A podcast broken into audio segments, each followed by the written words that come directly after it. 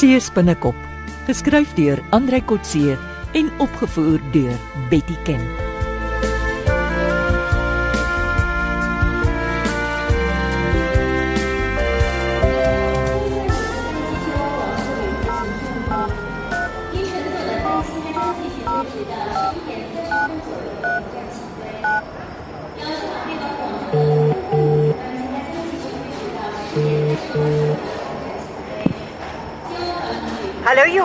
Waar's jy? Hi Christine. Op daai Pyse lughawe pas geland. Nou was jy vlug. Ag, alles het glad verloop. Ek kry net gou my bagasie. Ek beplan om so gou moontlik vir Sumi Chan te konfronteer. Bel tog net eers ons ambassade dat hulle weet jy's daar. Ons het nie meer 'n ambassade hier nie. Ah. Dis net 'n belangekantoor. Nou, bel hulle dan. Mens weet nooit wanneer jy hulle nodig mag kry nie. Maar ek maak so. Nou groete vir die ander twee. Tot later.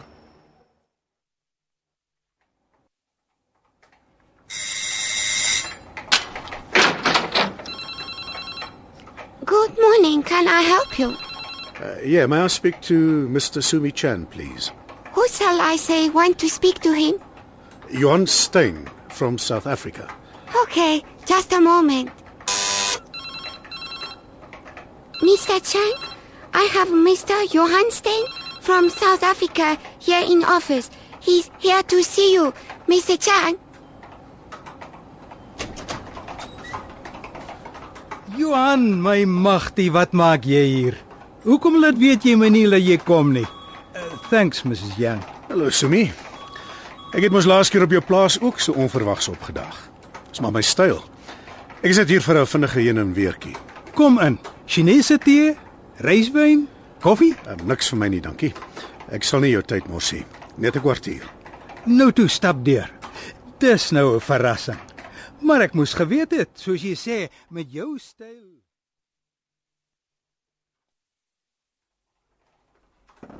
Sit gerus. Man, dis nou 'n verrassing. Hoekom is jy so formeel? Is daar moeilikheid? Ja, Sumi. Groot moeilikheid. Ek het spesiaal ingevlieg om met jou daaroor te praat. Wat nou? Onthou jy dat jy my probeer werf het as agent om oor Chinese in Suid-Afrika te rapporteer? Ja, het jy iets vir my? Nee. Ek het destyds geweier en ek weier nog steeds. Jy of iemand in opdrag van jou het mos die volgende dag 'n groot bedrag in my bankrekening inbetaal. Ja, ek het gedink jy sou my aanbod aanvaar.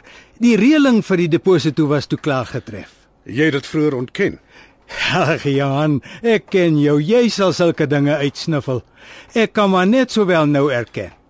Maar jy het vir my gelieg. 'n uh, Wit leentjie soos jy sê. Wie ons het nooit vir mekaar gejok nie. Ek werk nie meer vir die Suid-Afrikaanse owerhede nie. Ek glo jou. Ek kom nie namens die Suid-Afrikaanse owerhede nie. Ek glo jou steeds. En daarom kan ek nou vir jou openlik sê ek weet dat jy betrokke is by stropery en smokkelary in Suid-Afrika. Nou glo ek jou nie meer nie. Jy bedryf 'n smokkelsyndikaat, Sumi. Is dit wat jy my besigheid in Suid-Afrika noem? Ja. Ek het afgetree. Ek weet, so. Ek wou nie meer by spionasie betrokke raak nie. Jy het dit al gesê. Ek sal jou met rus laat. Ons is net vriende. Ons was vriende. Totdat sommige van jou syndikaatlede my ingetrek het by hulle vuil spel. Ek het nie 'n syndikaat nie. Maar vertel my, hoekom sê jy so?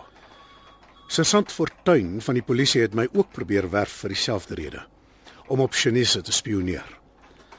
Hy het my kastig namens die polisie probeer werf. Ek ken nie so iemand nie. Maar gaan aan. En toe ek sy werwing weier, toe beskuldig hy my van spionasie en hy maak my 'n verdagte by perlemoenstropery. As daar so 'n ou is, is dit dom van hom.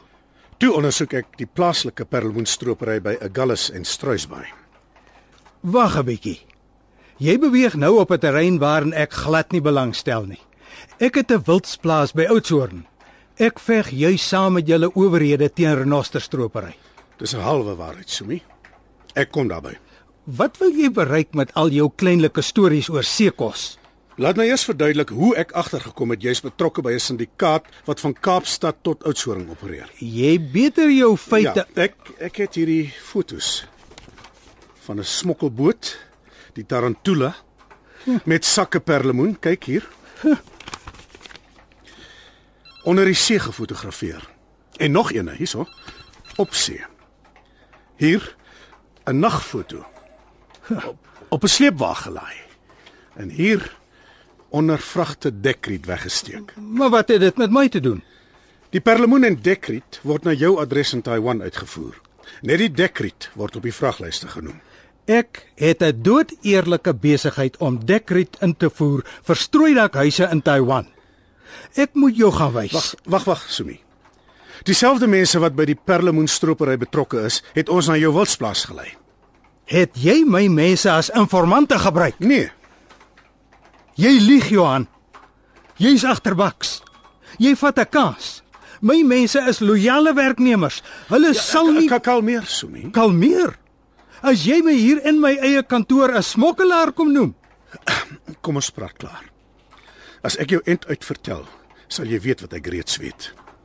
Dan hoef jy nie te bespiegel oor my kennis nie. ek stel nie belang in jou kennis nie.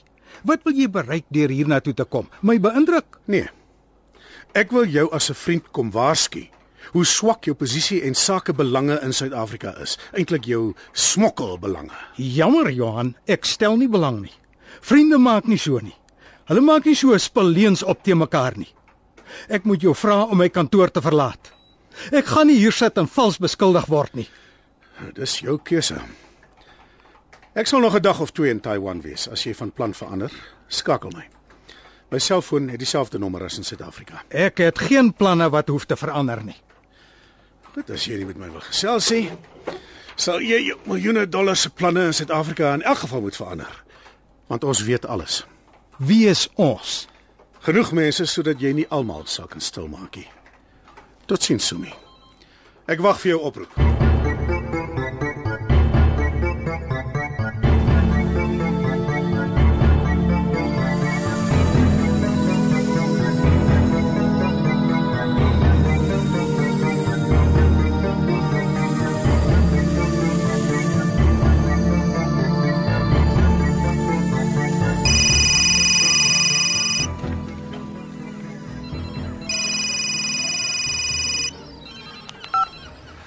Goeiedag meneer. En waarvandaan skakel jy? Dit raak jou nie. Hoekom het jy my nie gesê nie?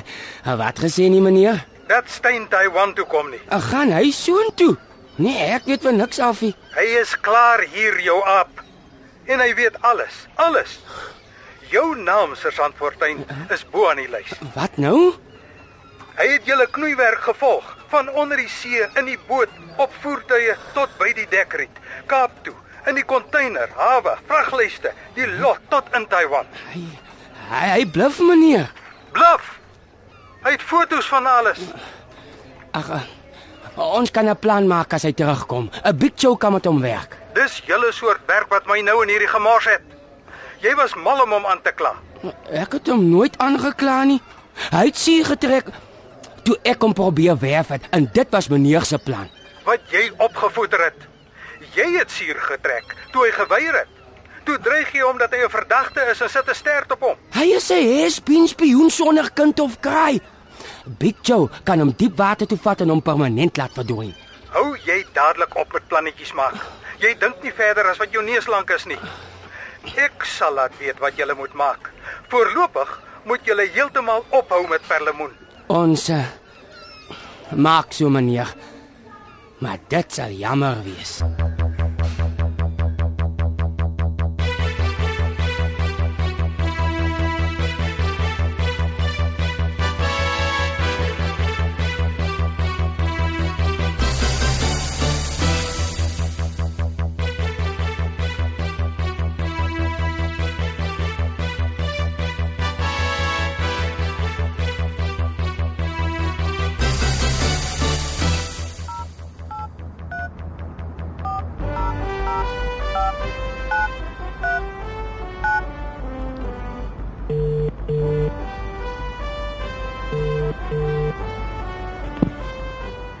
Hallo Johan.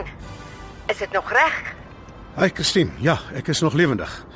Maar my gesprek met Sumi het nie so lekker verloop nie. Hoe dan so? Ek het nog nie eers vir hom vertel wat ons weet van die renosterhoring nie. Toe jaag hy my al uit sy kantoor uit. Ek het jou dan gesê mens moenie iemand konfronteer in sy eie kantoor nie. Daar is hy baas. Ja, hy sou so gereageer het op enige plek.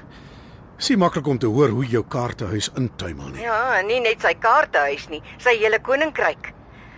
Gaan jy nou terugkom? Ek wag nog 'n dag of twee voor ek terugkom. Hy sal my terugskakel. O, kom.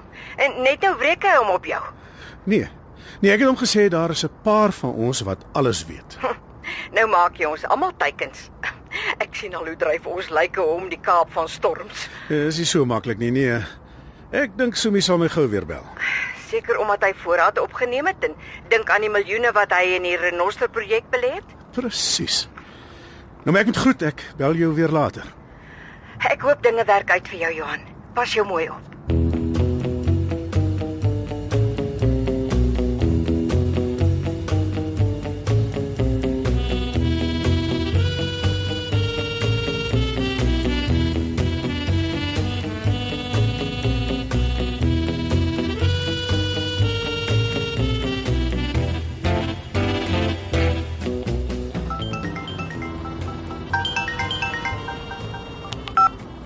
Hallo Sumi.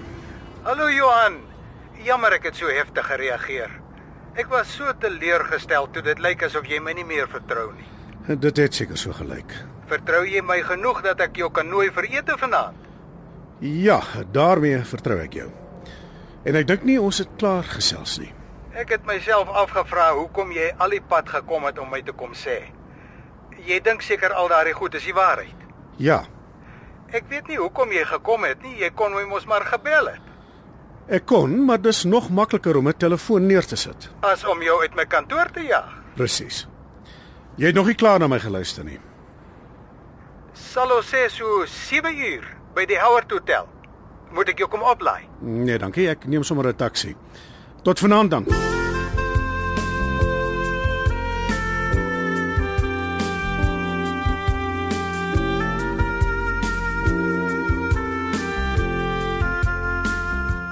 Dit was Seespinnekop deur Andrei Kotse. Die tegniese en akoestiese versorging is deur Henry en Karen Gravett. Die regisseur is Betty Kemp.